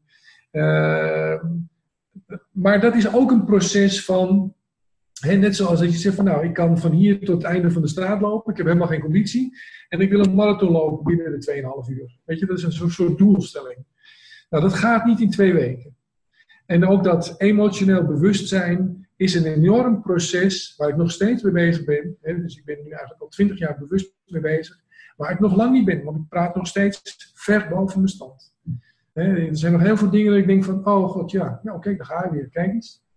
Ik heb het nog niet helemaal door alleen die zelfreflectie wordt wel steeds groter. Ja. maar, Heel herkenbaar. Ik zit zelf ook, um, nou niet midden in zo'n orkaan. Ik denk dat het, nou, nou ja, ik denk dat ik er nog wel uh, in zit. Um, het, is ook leuk om op die manier uh, bezig te kunnen zijn eigenlijk. Ik ben dan nog niet naar Tony Robbins geweest, maar als je kijkt naar opleidingen die je doet, en boeken die je leest, en podcasts die ik luister, en mensen die, zelfs deze podcast zelf, is ook een manier voor mij om weer meer te leren ook van andere mensen die gewoon uh, mooie verhalen hebben, of mooie inzichten op hebben gedaan. Um, ja, ja mijn, op, ja, mijn opleiding tot eating psychology coach. Uh, ja, ik coach mensen, maar eigenlijk is het, die hele opleiding is gewoon mijn eigen pleister geweest op een wond die ik had. Ja. Um, en zo zullen er nog veel meer volgen. Hm? Ja. Je kan alleen maar leren door ervaren. Dus door al die processen te doorlopen. Door gewoon ook te voelen van, oké, dus zo voelt dat aan en zo gaat dat. En als je die processen niet doorloopt, weet je, er zijn nog steeds mensen die personal trainer willen worden bij mij in de fitness. En dan zeg ik, hoe vaak fitness jezelf? Nee, ze fitness is niet mijn ding. Ik uh, hockey of ik, uh, of ik uh, turn of wat dan ook. Ik zeg, ja, als je toch een coaching wil geven in fitness, dan zou je dus zelf moeten gaan fitnessen. Ja, maar ik weet wel hoe die toestellen werken en ik wil daar personal trainer in worden. Nou, dat is kansloos. Je zal dus, je zal dus moeten gaan voelen en ervaren wat die muscle fatigue inhoudt en hoe dat op andere mensen is. Op het moment dat je jezelf kan helpen, dan ben je er nog niet. Dus als jij zegt, ik heb mijn processen allemaal meegemaakt, ik heb heel veel dingen veranderd, dan moet je in kunnen tunen op al die andere mensen die allemaal anders zijn dan jij. Dat zeg ik ook altijd als met personal trainers. 95% is niet zoals jij. Klopt. En, en, ik vind het mooi, want eigenlijk hoor ik je ook zeggen dat uh, ja, geduld uh, ook heel erg belangrijk is. Hoe, uh, hoe geef je dat mee aan mensen? Of, of iemand zoals, nou, zelfs als ik naar mezelf kijk, dat is en blijft gewoon een ding. Je wil het liefste gisteren al bereikt hebben waar je vandaag mee bezig bent. Ehm, ja, hoe heb je daar nog adviezen in om dat makkelijker te maken? de, de, kan, de, het is de, de kunst om de mensen hun unieke eigenschappen voor hun te laten werken in plaats van tegen hun.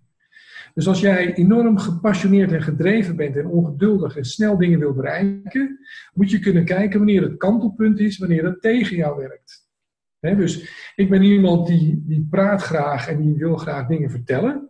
Dat is tot een bepaald punt is dat heel leuk. En daarna wordt het vervelend. Dat mensen zeggen van, oh god, wat heb je nu? Dat heb ik in de opleiding ook vaak gehad. Hè? Omdat ik dus gemiddeld 20 jaar ouder was dan de andere uh, deelnemers, had ik altijd wel een verhaal te vertellen van iets wat ik meegemaakt had. En op een gegeven moment zeiden ze, oh god, nou, dan heb je hem weer hoor, dan komt hij er met een verhaal. Toen dacht ik, hey, wacht even.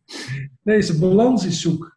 Hè? En dat is, hè, je moet altijd kijken van als jij iemand bent die heel analytisch is, of heel erg veel dingen kan beredeneren en praktisch is, dan moet je het voor je laten werken. Wij hebben een, uh, ik heb een nieuw bedrijf opgericht, uh, Evole Live, met een arts, een neurobioloog. En daar hebben wij een app voor gemaakt, dat mensen dus kunnen zien uh, hoe ze dat gedrag voor hun kunnen laten werken. Maar ze moeten zich eerst bewust worden van wat dat gedrag is, waar ze heel goed in zijn. Dus iedereen heeft iets waar die kwaliteit in heeft. En wat hij beter zou kunnen doen. En ik had ook nooit gedacht dat ik aan die emotionele kant gewoon veel beter kon zijn. Weet je, de mentale kant is bij mij nog steeds het meest ontwikkeld. Hè? Want dat zegt mijn vrouw altijd. Ik, ik sport uh, bijna alle dagen. En soms heb ik nog wel eens om half tien dat ik denk van, ik ga toch nog even. Dat ze zegt, mijn hemel, hoe kan je het opbrengen? Ik zeg, ja, het is gewoon een kwestie van discipline. Ik heb het met mezelf afgesproken, dus dat, dat is wat ik doe. En uh, dus jij kan het voor je laten werken. Maar je kan het ook tegen je laten werken. Hè? Ik zie ook heel veel mensen die sportverslaafd zijn of te veel doen of als ze niet getraind hebben, dan voelen ze zich niet goed. Het gaat allemaal om evenwicht. Het gaat om de kunst van balanceren. En, en dat is voor iedereen is dat verschillend. Van, als jij iemand bent die heel veel discipline heeft, het kan ook te veel zijn. Ja. Hoe, vertel eens wat over die app, want dat vind ik wel interessant. Wat, uh, hoe, hoe... Het is nog in ontwikkeling. Het is... Um, um, ja, gedragsverandering is niet iets wat, wat je cognitief tegen iemand vertelt. He, zo van, joh, luister eens, nou heb je vanmorgen weer een boterham met chocopasta genomen. Uh, uh, uh, moet je niet doen. Je moet wat groenten en wat eiwitten nemen. Maar de, op het moment dat dat gedrag zich ontplooit, dan krijg je dus de fase van, oké, ik ben me bewust dat ik dat doe. En dat zat nou eenmaal in mijn patroon. Uh, daar hebben we een coachingsprogramma voor gemaakt. Eh, wat nog in ontwikkeling is. Uh, waardoor mensen heel langzaam maar zeker die kleine stapjes gaan maken om tot gedragsverandering te komen. Want alles zit zo vast in een bepaald patroon, daar kom je bijna niet meer tussen. Dus een, een, een coach die, die helpt je door die processen heen en door middel van het feedback geven op opdrachten die je krijgt, die je dus gaat verbeteren. Is hetzelfde als je zegt van nou, ik begin met een gewicht uh, en ik ga uh, gewicht tillen. Stel je voor je wil gaan deadliften. En ik zeg ja, deadliften moet je doen met een flink gewicht. Dus daar staat 100 kilo, probeer het maar eventjes. En dan gaan mensen pakken en zeggen ze, oh, gaat niet. Ik zeg nou ja, ik snap het, kom morgen maar terug, gaan we het morgen weer proberen. Komen ze morgen, tillen ze meer, het gaat ook niet. Nou weet je wat, kom morgen maar weer. Wat veel mensen niet begrijpen is dat het gewicht veel te zwaar is. Dat ze moeten gaan beginnen met 20 kilo. En dat is eigenlijk wat er ook gebeurt in een voedingsprogramma. De stappen zijn vaak te veel. Van dit doe je voor lunch, dat doe je tussendoor. Dat doe en het is, mensen kunnen niet aan. Het is net hetzelfde als die 100 kilo die ze niet kunnen tillen. En de volgende dag is het weer 100 kilo. Ze moeten dat in kleine stapjes gaan knippen. Waardoor het hun eigen patroon wordt om dat goed te doen. Dus als ze één dingetje goed gedaan hebben. Bijvoorbeeld zeggen van nou, ik, ik heb nu drie keer in de week een gezond ontbijt genomen. Ik heb wat komkommer en wat tomaten en een paar gekookte eitjes genomen. Dat beviel me eigenlijk best. Ik was blij dat ik de volgende dag mijn boter met chocopasta kon nemen. En in dat kleine stukje, daar begeleid je ze eigenlijk in dat ze dus echt voelen dat het beter voor ze is. Want ik zeg altijd maar eens, voel eens wat er met jou gebeurt als je een gezonde maaltijd gegeten hebt en getraind hebt. Of dat jij een hele uh, energierijke, je bent naar McDonald's geweest je hebt nog een grote McFlurry genomen. Voel eens wat er met jouw lichaam gebeurt. Dus dat is een opdracht in dat coachingsprogramma. Van beschrijf jouw gevoel eens na je training. En op het moment dat ze het op gaan schrijven. Ik heb gesport en ik heb een gezonde salade genomen.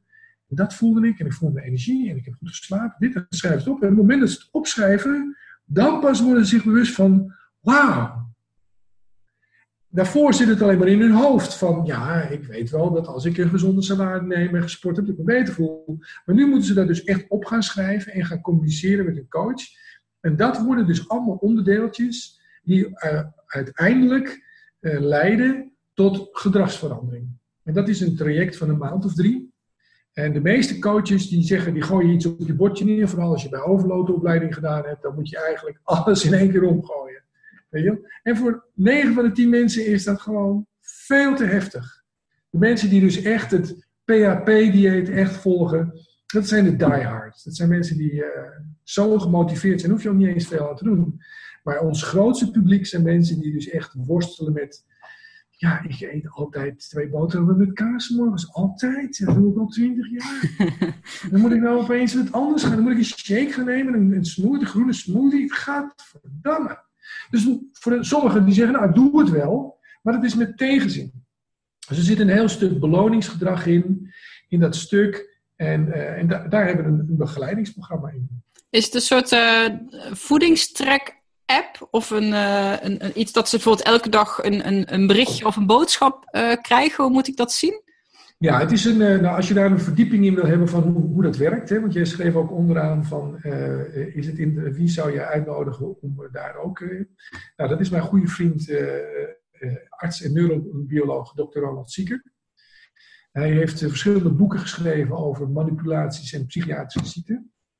Hij, heeft, hij is heel ver in coaching. Ik denk dat hij een van de beste coaches is van Nederland. Hij heeft ook het Koningshuis gecoacht. En uh, het is iemand die, uh, als er een crisis uitbreekt in een grote organisatie, waar iemand de leiding heeft over 120.000 mensen uh, en die op het punt staat om om te vallen, dan komt hij in het spel om de mensen bewust te maken van waar ze staan. Mm-hmm. En hoe ze dus dingen voor zich kunnen laten werken. Want er is altijd een disbalans in. Dus hij is heel goed in het vertellen van hoe het via uh, een andere weg dan het cognitieve weg, want bijna alle programma's zijn gemaakt op. Nou, ik zal jou eens gaan vertellen wat gezond eten is. Ja, ja, ja. Dat is niet gezond. En dan zie je dat mensen dat eigenlijk wel snappen, maar niet gaan doen. En ik, daarom, uh... jij, als jij begon met het gesprek, het verschil tussen weten en doen, dat is eigenlijk de sleutel tot succes. En daar denken we nog veel te makkelijk over, want we gaan elke keer weer vertellen van, nee, ik heb je verteld dat je beter de fiets kan nemen in plaats van de auto. Ja, maar. En dan komt er een verhaal. Ik wil er wel op inhaken. Ik, uh, vanuit Love Fit Food. Weet je, het, is. Ergens maakt het ook wel lastig, want wat ik steeds probeer te vertellen, weet je, het is geen kwestie van wilskracht. Het is geen kwestie van meer kennis. Het is niet dat je niet genoeg weet of niet genoeg uh, motivatie hebt. Ehm, want het is vechten tegen die bierkaai. Eigenlijk wat je moet doen is je hoofd en je lijf geven wat het nodig heeft. In plaats van er met een soort van je, life in, je, lichaam in submission willen spanken. Je kan, je kan dat niet dwingend in een bepaald vormpje gieten. Je kan het niet afstaan. Ja, dat kan heel kort. Uh, maar dat gaat ongetwijfeld gaat zich dat weer backfire. ongetwijfeld, je kan het nu even twaalf weken heel streng voor jezelf zijn. Die dames die op zijn podium gaan staan, die hebben allemaal eetbuien daarna. Die hebben allemaal een verstoord lichaamsbeeld. Die hebben allemaal, nou ik zeg niet allemaal, er zullen misschien wel meiden zijn die dat wel uh, kunnen. Maar wat ik er ook uh, insight zeg maar een beetje van meekrijg. Het werkt niet. Wat heeft je lijf nodig? Eten. Liefde. Uh, je hebt dagelijkse routine nodig, zoals mediteren, zoals een krachttraining, zoals heel veel tools die je in kan zetten om dat, dat, dat, die rust, zoals jij het zo mooi zegt, te vinden in jezelf. Ja, en de laatste is geduld. dat vergeten we voor mensen. Dus begin daar eens. En dat is, zijn allemaal manieren om met je bewuste, je onbewuste te herprogrammeren. Want dat is eigenlijk wat, denk ik, jij en ik ook aan het doen zijn bent dat je jezelf wil verbeteren en jezelf een beter mens eigenlijk wil maken, op wat voor vlak dan ook. Je probeert langs deze ingang, wat is de enige ingang die we hebben, ons bewustzijn, uh, ons onbewuste, dat machientje wat eronder hangt, ja, opnieuw te programmeren of opnieuw te sturen. Ja, maar dat is, het is, uh, dat machientje doet precies wat jij wil. Hè? Dus jouw brein bepaalt. Je kan het ook vergelijken met een autootje. Jij bent eigenaar van de auto. Dat is je lichaam. Dan heb je de chauffeur, dan heb je iemand die in de auto zit, dat is de chauffeur. En die kan bepalen waar je naartoe rijdt. Uh, en dat is je brein. Dus die kan uh, zeggen van ik ga rechtdoor, linksaf, rechtsaf. En die kan ook zeggen van ik zet die auto stil vandaag. Maar er is er nog een derde. En dat is de eigenaar van de auto en de baas van de chauffeur.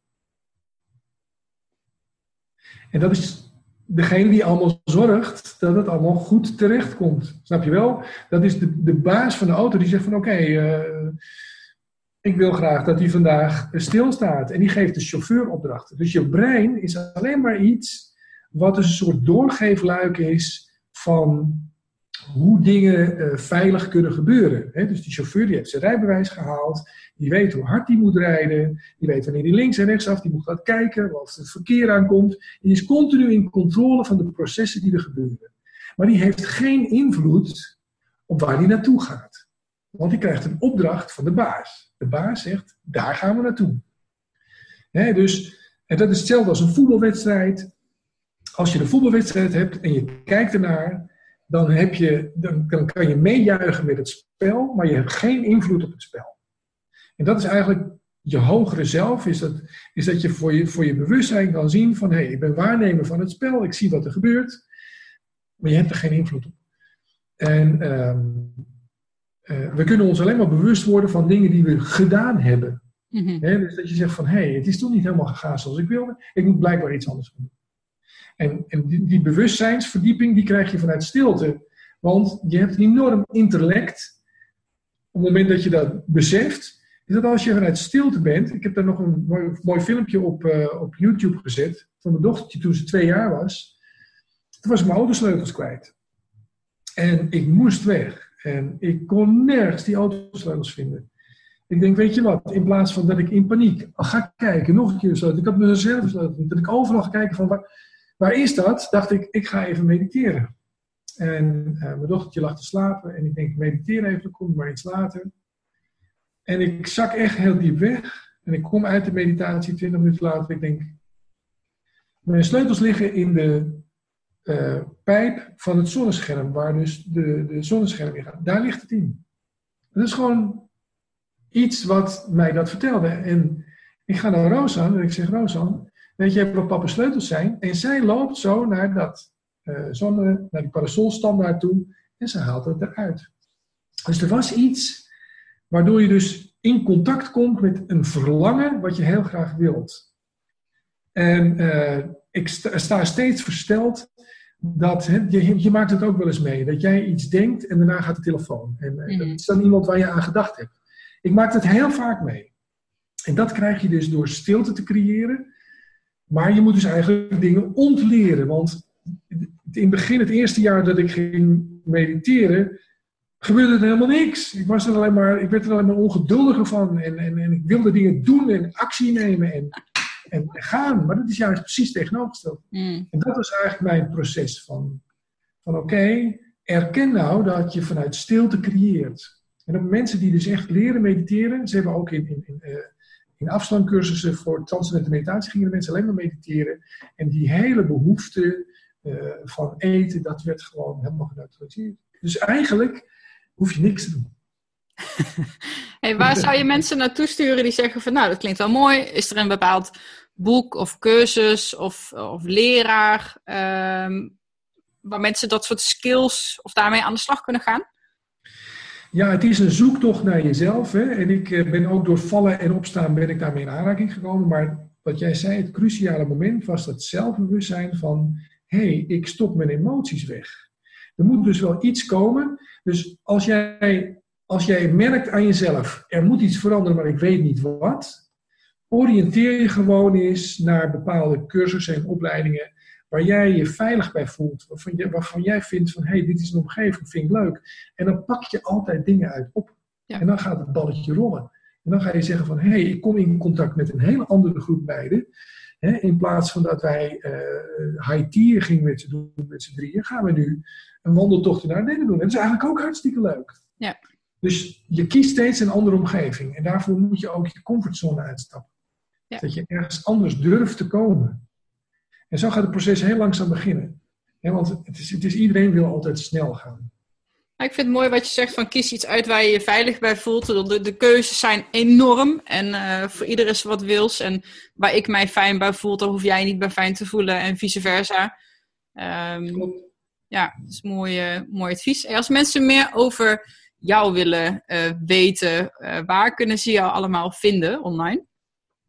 Ja, het is heel makkelijk. Je, je, je, je toetst in Jeroen Maas en je krijgt een enorme lading aan filmpjes en aan uh, ervaringen uh, die we meemaken bij ons op de club. Want uh, ik heb heel vaak ook in Hoofddorp en in de omgeving dat, dat vaak mensen van, ah, ik ken jou wel, want ik heb 25 jaar geleden nog les je gehad. Weet je? Dan denk ik, 25 jaar geleden, jeetje mina. Of van, goh Jeroen, je bent grijs geworden. Ja, ik zeg, dat klopt, ja. Ik, uh, ik ben ook uh, bijna 60. Ja, ja, oh ja, zo oud al. En uh, dus ja, ik heb, ik heb heel veel, veel dingetjes meegemaakt. Ik wil niet zeggen dat ik alles weet, want ik heb, ik heb een aantal personal trainers bij mij op de club werken. Die zijn echt briljant. Die zijn veel beter dan ik nog. In bepaalde dingen. En wij proberen als team onze krachten bij elkaar te bundelen en daar iets moois van te maken. En, en uh, dat doe ik met ontzettend veel plezier. Dus als mensen dingen willen weten. Ik doe, doe eigenlijk uh, ja, in, in mijn personal training normaal. Als mensen dingen willen weten. Dan zeg ik, weet je wat, kom bij op de club. En dan reken ik mijn tarief. Bij jou doe ik dat niet. Ik vond het heel leuk om dit te doen. Omdat er voor mij ook weer een leermoment in zit. Ik heb het nog nooit gedaan. Ik vind het fantastisch. Ik vind het, ik vind het zo leuk om dit te doen. dit is de eerste keer dat ik een Skype-interview geef. Dat vind ik geweldig. Dus ik doe dat omdat ik mezelf de voordeel uithaal. Ja. Volgende keer kan ik ook met iemand zeggen van weet je wat, we doen het via Zoom en dit en dan. Het zat al, die afspraak zat al in mijn agenda. Ik zeg, want Jeannette heeft me dat geleerd. Dat is hartstikke leuk joh, dat gaan we zo doen. Maar normaal, als ik, hè, er zijn vaak mensen die zeggen, joh, Jeroen, ik wou je eens praten, want ik wil gaan ondernemen, ik wil dat en dat gaan. Dan zeg ik, oké, okay, dat kan. Ik reken 75 euro voor een uur. En dan mag jij zelf kiezen hoe lang je dat doet. Ja. En dan in een uur kan je al aardig wat te weten komen. En meestal zeg ik van joh, loop gewoon eens een tijdje met ons mee. Ja. En, uh, ja, en dat als je kiest voor omgeving, hè, uh, ja, mijn klanten komen binnen een straal van uh, 10 minuten. Daar komen mijn klanten vandaan. Daarbuiten eigenlijk niet. En dat zijn eigenlijk de mensen. Maar het is heel leuk om via Overload, want hè, zo, zo heb ik enorm veel contact gehad met mensen, maar ook Koen en Bas, die zijn bij ons op de sportschool geweest. Die hebben een seminar gegeven. Daardoor inspireren ze ook weer mensen. Uh, nou, blijf, blijven leren en kijken. Ja. En uh, wie weet. Mooi advies. Ik uh, vond het echt onwijs inspirerend om naar je te luisteren ook. Ik, volgens mij kunnen we nog vijf uur door praten. Ja. Want het zijn thema's die ik zelf ook ja, heel erg interessant vind. als het ja, bewustzijn en eigenlijk ook het stukje spiritualiteit aanraken. En hoe je dat dan weer in kan zetten om gewoon een leuker en fijner leven te leiden. En ook een leuker en fijner mens te worden uiteindelijk. Dus dankjewel voor de inspiratie. Dat was het. Dankjewel voor het luisteren. En voordat je je oortjes uitdoet, vergeet niet om je te abonneren op deze podcast. Ofwel op YouTube, dan wel op Soundcloud of in je iTunes podcast speler. Je zou er, uh, zoals gezegd, ook in de intro een beginnende podcast zoals deze enorm mee helpen. Ook om toffe gasten te kunnen krijgen. Meteen ook een vraag aan jou. Wie zou jij heel graag geïnterviewd willen zien? Laat het me weten. Je mag mij gewoon een mailtje sturen. En die informatie vind je op de Transformatie Academie podcast site. En dat is www.transformatie-academie.nl. En dan kom je automatisch op de juiste plek. Dat was het voor deze week. Nogmaals een shout-out naar onze sponsoren Love Fit Food, Nutrifit en 12 Waves. En ik wens je een hele fijne dag.